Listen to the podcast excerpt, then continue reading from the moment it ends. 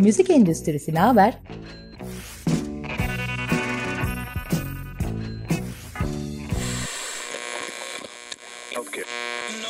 Müzik endüstrisinin her alandaki dinamikleri.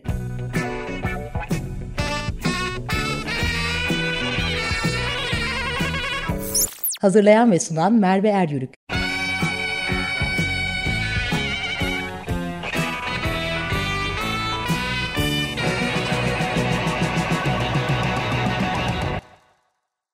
Merhaba.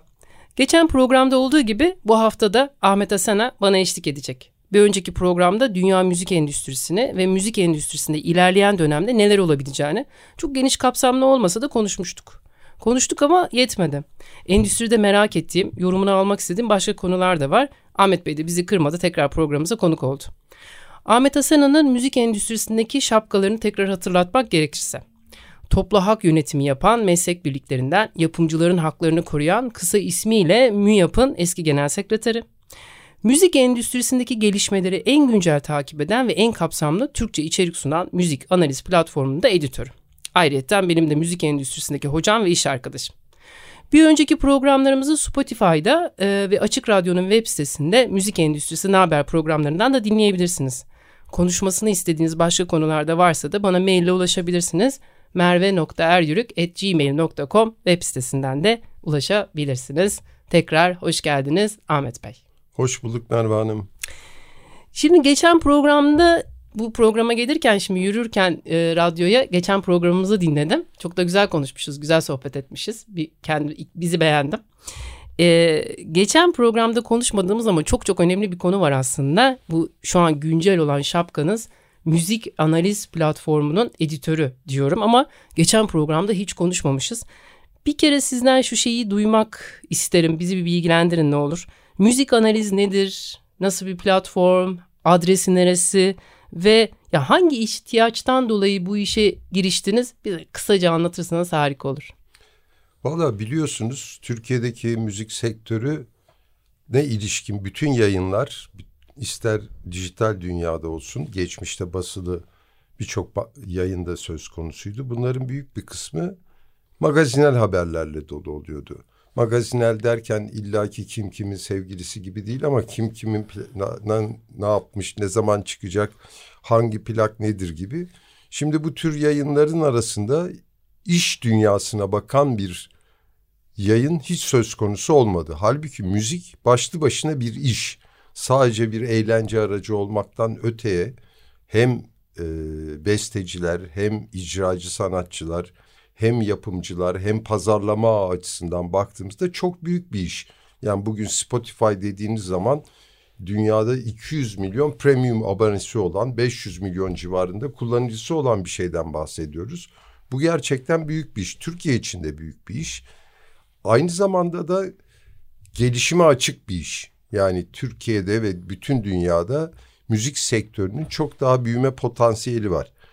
Bizim ülkemizde bu alanda dünyada nelerin olup bittiğini takip eden bir yayın yoktu. İhtiyaç oradan kaynaklandı. Tabii bu alan derken sadece hangi şirket nereyi satın almış, ne tür yatırımlar yapıyordan öteye teknolojik gelişmeler, bu işin bir hukuku var sizin de bildiğiniz telif hukuku söz konusu hukuk alanında da teknolojik gelişmelere bağlı olarak çok ciddi gelişmeler ortaya çıkıyor. Bu gelişmelerin de izlenmesi gerekiyordu. Dünyada çok sayıda mahkeme kararı ya da kanun değişikliği söz konusu oluyor. İçtihatlarla bazı yönlendirmeler yapılıyor. Bütün bunları takip edebilmek ve sektöre aktarabilmek açısından Türkiye'de bir yayın olmadığı için esas olarak dünyadaki açık kaynakları takip ederek bilgileri derleyip Türkiye'deki sektörün ilgililerine aktarmak istedik. Ee, bunu da müzik analiz web sayfasında yapıyoruz. Müzik analizi olarak Google'a girdiğinizde birinci sırada zaten müzik analizi görüyorsunuz.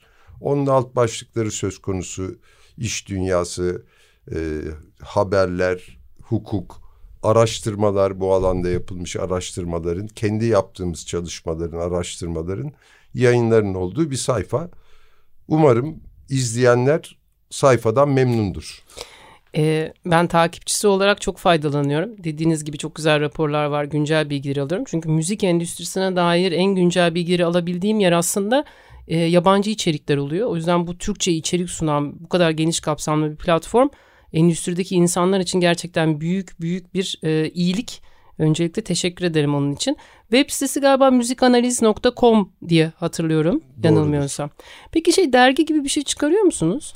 Ee, üç ayda bir bu sayfa içerisinde günlük haberler tabii okunabilmesi bakımından daha kısa kısa oluyor. Üç ayda bir belli spesifik konulara yönelik olarak dijital bir dergi çıkarıyoruz. O dijital dergiyi de sektör içerisindeki kimi kurumlara, hukuk çevrelerine, avukatlara, savcılara, hakimlere dağıtıyoruz. Onlar spesifik konular oluyor. Diyelim ki hukuk konusunu ele alıyoruz ve yapay zeka telif hukukunu nasıl etkiliyor gibi bir çalışmayı yaparak gönderiyoruz. Daha detaylı bilgi edinmek isteyenler üç aylık dergileri takip edebilirler. Bu aslında endüstrideki en büyük açıklardan biri aslında bu bilgi eksikliğinden dolayı işte mahkeme kararlarında olsun mesela e, ve bu bilgi eksikliğinden dolayı hak sahiplerinin bile bu işin nereye gittiğinin nasıl bir yatırım yapılması gerektiğine, hakları nasıl takip edilmesi gerektiğine dair çok çok yani büyük bir açığa dair e, güzel bir çare olmak için bir adım atmışsınız. Yine tekrar e, tebrik ediyoruz diyeyim. Teşekkür um, ederim. Umarım ilerleyen günlerde aslında müzik endüstrisindeki bir de en büyük bir problem bu yüz yüze toplantılar olduğunu düşünüyorum. Yani sempozyumlar olsun, bilgilendirici e, toplantılar çok faydalı oluyor. Umarım müzik analiz ilerleyen günlerde böyle toplantıları da olur da biz de oralarda oluruz. Bunu bir deneme yayınıyla başlattık daha önce. Hukuk üzerine yapmıştık. Cayma hakkı ile ilgili. Cayma hakkı evet. ile ilgili olarak. Bu cayma hakkı oturumundan aslında çok olumlu geriye dönüşler aldık ama sonrasında federasyon kurulacak, gelişmeler nasıl olacak bunları takip etmek biliyorsunuz müzik endüstrisinde herhangi bir adımın atılması altı aydan az sürmüyor. Dolayısıyla Biraz bunları öteledik ama önümüzdeki sonbahardan itibaren daha düzenli olarak da hem dijital ortamda hem de yüz yüze toplantıları gerçekleştirmek istiyoruz. Güzel. Bu haberi de aldığımız çok iyi oldu bu dönem içerisinde. Müzik analiz yani bu programı dinleyenler müzik endüstrisini sıkı takip eden insanlardır diye düşünüyorum. O yüzden müzik analizi böyle bir konuşmamız çok iyi oldu. Ee, sizinle şeyi konuşmak istiyorum. Dediğim gibi bu programa işte stüdyoya doğru yürürken geçen programımızı dinledim. Orada şunu konuşmuşuz. Türkiye'yi e, konuşmak istiyorum ben sizinle. Biliyorum dünyadaki gelişmeleri daha fazla konuşmak istiyorsunuz. Daha ileriki dönemde neler olacak konu sizin özel merakınız ama şimdi dijital müzik endüstrisindeki bu yani aslında müziğin dijitalle dinleyiciye erişimi sırasında olan iş modelinde yani bir sürü problem var. İşte bunlardan birkaçını soralım istiyorum. Şimdi Spotify çok önemli bir mecra diye konuşuyoruz. Yani bir önceki programda da zaten şeyi söylemiştiniz. Her gün 150 bin adet şarkının yüklendiği neredeyse tekerleşme noktasında olan kocaman bir yer. Tekerleşmeyi ben şimdi ekliyorum. Siz öyle bir şey belirtmediniz ama şimdi kocaman bir yer var. Bu kocaman yerde de görünür olmak da büyük bir mesele. Şimdi bunları konuştuk, hak sahiplerini falan konuştuk ama şuradan bir sorayım istiyorum. Spotify'ın abonelik ücretlerine baktım programa gelmeden önce. E, bireysel olarak ayda 29.99, aile olduğunuzda 6 hesabı 6 hesaba kadar ayda 49.99, öğrenciyseniz 14.99. Bu 3 ay bu arada bir ücretsiz bir e, şey oluyor. Sonrasında da böyle bir ödeme planı çıkarmışlar. Şimdi öncelikle sormak istiyorum. Diğer ülkelere göre bu abonelik ücretleri sizce düşük mü, yüksek mi? Valla Spotify herhangi bir biçimde bir web sitesine girin. Yani Google'a girin bir arama yapın. Deyin ki Spotify fiyatları ya da en ucuz nerede Spotify kullanabilirim diye. En düşük fiyatlı yer Türkiye. Dolar bazında 1.12-1.13 dolarlar mertebesinde bir fiyat ödeniyor. 9.99 hatta daha üzerinde fiyatlar ödeyen birçok ülke var halbuki baktığımız zaman. Bu ülkelerde yani 10.66'ya kadar çıkıyor dolar bazında. Ee, İsviçre'ye gittiğiniz zaman 13 13.99. Ee, yani Türkiye'de 1.12, İsviçre'de 13.99. Daha ilginç bir şey söyleyeceğim. Ee, bu rakamı eğer elinize alır ve bunu diyelim ki o ülkelerdeki asgari ücretle mukayese ederseniz, diyelim ki e, gayri safi milli hasıladan hane başına düşen gelirle per capita ile mukayese ederseniz Türkiye birinci sırada yer alıyor. Ucuzlukta birinci sırada hmm. yer alıyor. Dolayısıyla he, hiçbir mukayesenin izah edemediği bir nokta var burada. Bu dünyada Spotify'ın izlediği fiyatları düşük tutma politikasından da kısmen vazgeçmeye başlaması ve doygunluğa ulaşan pazarlarda fiyatları yükselttiğini dikkate aldığımız zaman tuhaf bir durum. Çünkü kişi başına düşen geliri yüksek olan satın alma gücüyle mukayese ettiğiniz zaman Türkiye'nin 39.300 dolarlar civarında bir per e, şey tabir edilen purchasing power parity dediğimiz satın alma gücü paritesiyle e, 39.300 dolar mertebesinde bir rakama çıkıyoruz. O rakama karşılık 1.12 müthiş düşük bir oran baktığımızda. Tuhaf bir örnek vereceğim size. Hindistan'a baktığınız zaman asgari ücret 62 dolar 1.44 dolara abonelik satıyor. Ya yani 62 dolar asgari ücreti olan yer 1.44 dolara premium abonelik satıyor. Türkiye'de asgari ücret 534 dolarlar mertebesinde 1.12 dolara satılıyor. Bu sektörün büyümesini, sermaye birikimi sağlamasını engelleyen bir durum aslında. Hani bu para ne hak sahiplerini tatmin ediyor bence ne de Spotify'ın kendisini tatmin ediyor ve Spotify'ın bunu mutlaka düzeltmesi lazım. Yani 1.12 dolardan e, en düşük fiyatlı olarak örneğini verdiğim yer burası. Bunu diyelim ki Avrupa ülkelerinde bize benzer ülkelerde olan rakamlara çekersek mesela Polonya'da 4.57 dolar hı hı. bu rakam baktığımızda. Romanya'da baktığımız zaman bu rakama 5.33 dolar. Bulgaristan'da baktığımız zaman bu rakama gene 5.33 dolar. Brezilya'da baktığımızda 3.73 dolar. Endonezya'da 3.53 dolar. Dolar bazında baktığımızda. Buralara gelse Türkiye müzik e- endüstrisinin Spotify cirosu bir anda üç katına çıkacak. Peki şeyi neden böyle yapıyorlar sizce? Şimdi Spotify'ın tuhaf bir büyüme algoritması var anladığım kadarıyla. Bu tamamen yoruma hı hı. bağlı bir olay. Kullanıcı sayısının yeterince hızlı artmadığını düşündüğü yerlerde fiyatları düşük tutmaya devam ediyor. Ee, özellikle daha önceden girmiş olduğu yerlerde, daha yeni girdiği yerlerde daha yüksek fiyatlarla bunu yapabiliyor. Ama geçmişten beri var olduğu yerlerde fiyatları arttırmak istemiyor. Kullanıcı kaybı yaşarım korkusu taşıdıklarını düşünüyorum ben. Ama bunun Spotify'a da bir zararı var. Bu tür rakamlarla devam ettiğiniz ve kırılımları sağladığınız sürece o verdiğiniz aile, öğrenci gibi hı hı. örneklerle indirimleri yaptığınız zaman arpı olarak tabir edilen kullanıcı başına ortalama gelirde sürekli gerilemeye başlıyor. Hele Türkiye gibi enflasyonun yüksek olduğu bir ülkede dolar bazında bu daha da hızlı geriliyor.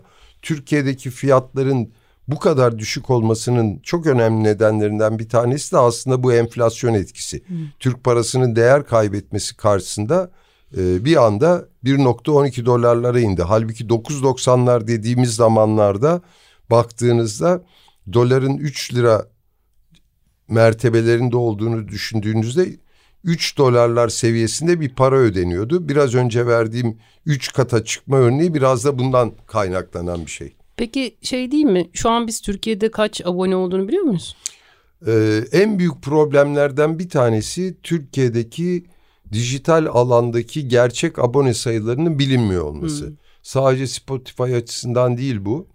Ee, diğer dijital platformlara da baktığımız zaman işte kimi telekomünikasyon kuruluşlarının kendi platformları var. Uygulamayı indiren sayısı diye bir rakam veriyorlar. Kullanıcı hmm senede bir kere bile girse indirdiyse o bir kullanıcı gibi gözüküyor. Spotify'da da bu rakamları bilemiyoruz. Dünya ölçeğinde biliyoruz. Spotify'ın 500 milyon civarında abonesi, 200 milyon civarında da ödeyen abone tabir edilen premium ya da aile paketi gibi paketlere dahil olanlar söz konusu. Ama Türkiye ile ilgili böyle bir veri yok. Biz şimdi müzik analizle birlikte MÜYAP'ın desteğiyle ve bakanlığın Kültür Bakanlığı'nın desteğiyle bir çalışma yapıyoruz. Önümüzdeki e, sene tamamlanmış olur bu çalışmayı yayınlamış olacağız. Çünkü uzun ve kapsamlı bir çalışma olacak. Dijitalleşmenin neresindeyiz diye bir çalışma. Orada ümit ediyoruz ki bu rakamlara kamunun desteklediği bir proje olduğu için erişebiliriz ve Türkiye'deki gerçek abonelik sayıları, rakamları ve pazarın gerçek büyüklüğünü görebiliriz. Bu çok önemli oluyor işte hep konuştuğumuz aslında endüstrideki en büyük eksiklerden biri aslında bu verinin eksikliği işte veriyi bilmeyince ölçemiyorsun ölçemeyince geliştiremiyorsun. Umarım önümüzdeki dönem o rapor çıktığında da tekrar sizi programa davet ederiz onu da konuşmuş oluruz. Şimdi şu şunu çok anlayabiliyorum yani sadece müzik endüstrisinde değil tüketicinin daha yeni tecrübe ettiği bir alanda e, konu para varsa bir süre e, ücretsiz vermeyi ücretsiz ya da düşük ücretle vermeyi, tüketiciyi buraya getirmeyi, getirdikten sonra alıştırmayı, alıştırdıktan sonrasında vazgeçilmez kılmayı, vazgeçilmez kıldıktan sonra da ücreti güzel bir ücretlendirme de yaparak artık onun buralara e, muhtaç etme demeyeyim de ne diyeyim daha Türkçe bir kelimeyle yani artık onu vazgeçilmez bir unsur olup e, buralara bağlama bir marketing zaten bir pazarlama stratejisi. Ama bu çok uzun sürdü diye düşünüyorum çünkü Spotify'da. Şimdi hayatımızdaki gelişmelere baktığımızda eskiden normal işte ana akım medyayı biz takip ediyorduk televizyonlarda. Dijitürkler çıkmıştı. Çok saçma gelmişti. Ben zaten seyredebiliyorum. Niye o kanallara gideyim dedik. Şimdi hiçbirimiz o kanalları takip etmiyoruz ve o taraflara yeni medya dediğimiz platformlara yöneliyoruz. Tıpkı e, Spotify'da şu an hayatımızda vazgeçilmez bir unsur. Yani bu kadar repertuarın olduğu çok kaliteli müzik dinlediğimiz bir şeyi ya beni kaybetmeyecekler her türlü. Beni alıştırdılar artık ve ben telefo telefonumda bu aplikasyon var. Bunun ne kadar uzun sürdüğünü sadece şeye bağlamak istemiyorum galiba. Hani e, daha fazla tüketici almak, daha fazla alıştırmak, daha da insanlar gelsin. Gidip buralardan kaçmasın. Kaçabileceği de çok büyük alan yok. E, bence başka bir strateji daha var diye düşünüyorum. Yapımcıları zayıflatmak olabilir mi? Burada şunu Şöyle... kastediyorum aslında. Pardon sözünüzü kestim. Burada da şunu demek istiyorum aslında. Çok düşük bir gelir oluyor ve bu düşük gelirle zaten çok fazla yapımcının ayakta durabileceğini zannetmiyorum. Repertuarlarını veriyorlar. E, bütçeler de çok yüksek değil. Sonrasında bu zayıflayan yapım şirketleri başka bir yapım şirketleri tarafından daha fazla majorlar tarafından satın alınma eğilimleri olabilir. Bir de bu olabilir mi acaba? Şimdi bunun Spotify'ın izlediği düşük fiyatlama politikasının bir sonucu olduğunu değerlendirmek önemli. Doğru bir noktaya işaret ettiniz bu açıdan. Ama bunun e, iradi olarak yapılmış bir politika, geliştirilmiş bir politika olduğunu söylemek için henüz erken olduğunu hı hı. düşünüyorum. Çünkü başka ülkelerde farklı yaklaşımlar var. Bu yapımcıyı ortadan kaldırmaz, tekelleşmeyi doğurabilir. Ama e, şöyle bir noktayı gözden kaçırmamak lazım. Spotify'ın kendisi de para kaybediyor bu sürecin içerisinde. Hı hı. Bu tür platformlar genellikle abonelikten kazandıkları gelirler ve masraflar arasındaki kardan dolayı çok büyümüyorlar. Ee, böyle baktığınız zaman operasyonel gelirler dediğimiz bölümünde hep zarar yazıyor. Ama esas olarak hisse değerleriyle bir gelir elde ediyorlar. Hisselerinin alım satım süreçleri bununla bağlantılı.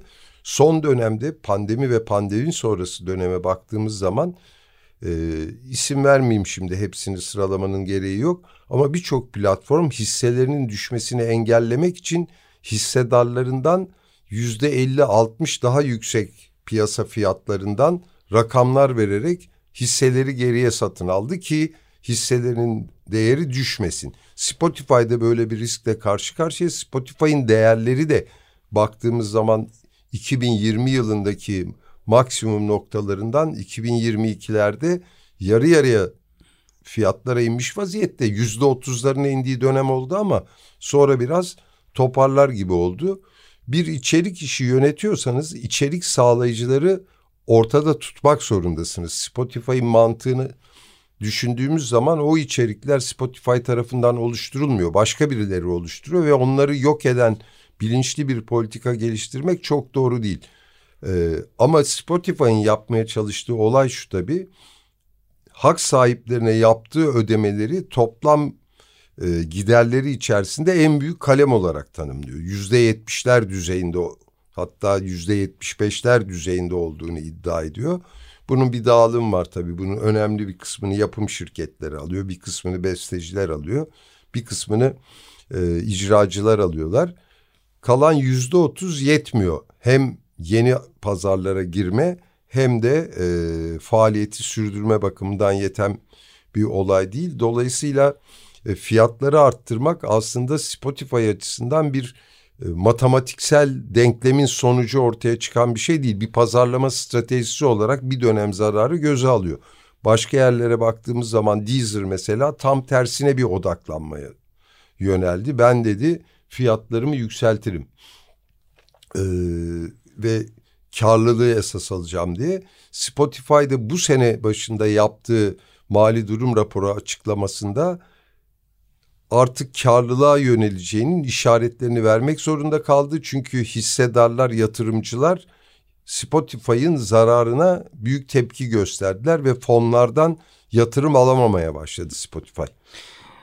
Bunu soruyorum aslında şimdi yine Ahmet Bey'i davet ettik tabii bizim programımızın süresi çok kısıtlı bir sürü konu konuşmak istiyorum. Bol bol da davet edeceğim gibi gözüküyor. Bu konu çok önemli çünkü bu ilerleyen dönemde aslında bizim kavgamızın en çekirdek konularından biri olacak. Çünkü e, bu Spotify'ın büyüklüğü, herkesin orada bulunması, işte bu kadar Spotify'dayım, şu kadar çalınıyorum diyen icracının ya da eser sahibinin günün sonunda hak sahiplerinin birbirine girmesine sebep oluyor. İşte bu mahkeme kararları ilerleyen dönemlerde daha çok endüstrideki kakofoniye sebep olacak.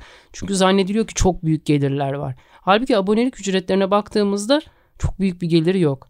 Şeyi biliyor musunuz? Şuradaki onu da sorayım. Bu işte abonelik ücreti bireysel olarak gelmişim. 29.99. Bunun kırılımını biliyor musunuz? Ne kadar icracıya, eser sahibine, yapımcıya ve Spotify'a kalan? %50 civarı yapımcıya gidiyor. Hı hı. %15'ler civarında doğru hatırlıyorsam eğer rakamı eser sahiplerine doğru giden bir rakam var.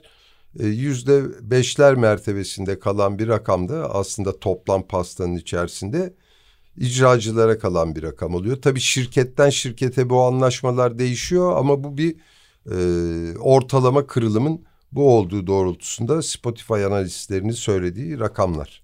Geri kalan da herhalde Spotify'a, dijital rafa evet, koyanlara evet, ve onlara evet. gidiyor. Tabii bu sırada... Işte bu söylediğimin içerisinde zaten sadece majör yapım şirketleri falan diye düşünmeyin. Herkes var. Herkes de var. İşte tam burada eser sahipleri ve icracının dediğiniz gibi ise eğer işte bu yüzde on beşlik dilimde olan eser sahibi yüzde beşlik olan icracı işte başlıyor o sırada yapımcılara benden çok fazla gelir elde ediyorsun ve davalar başlıyor bu sürede. Ee, daha önceki programda konuşmuştuk yenilemeyen yani tekrarı olmasın ama hak sahiplerinin birlikte yan yana durması burada mühim. Bir de müzik endüstrisinin herhalde sırf Türkiye'de değil dünyada da bu pay oranlarının tekrar bir konuşulması, tekrar bir düzenlenmesi, tekrar bir yeniden bir ticari bir anlayış var. Dolayısıyla buraların tekrar bir revize edilmesi için de e, görüşmeler devam ediyor sanki. E, dünyada büyükler dahil universal hı hı. başını çekiyor bu işin.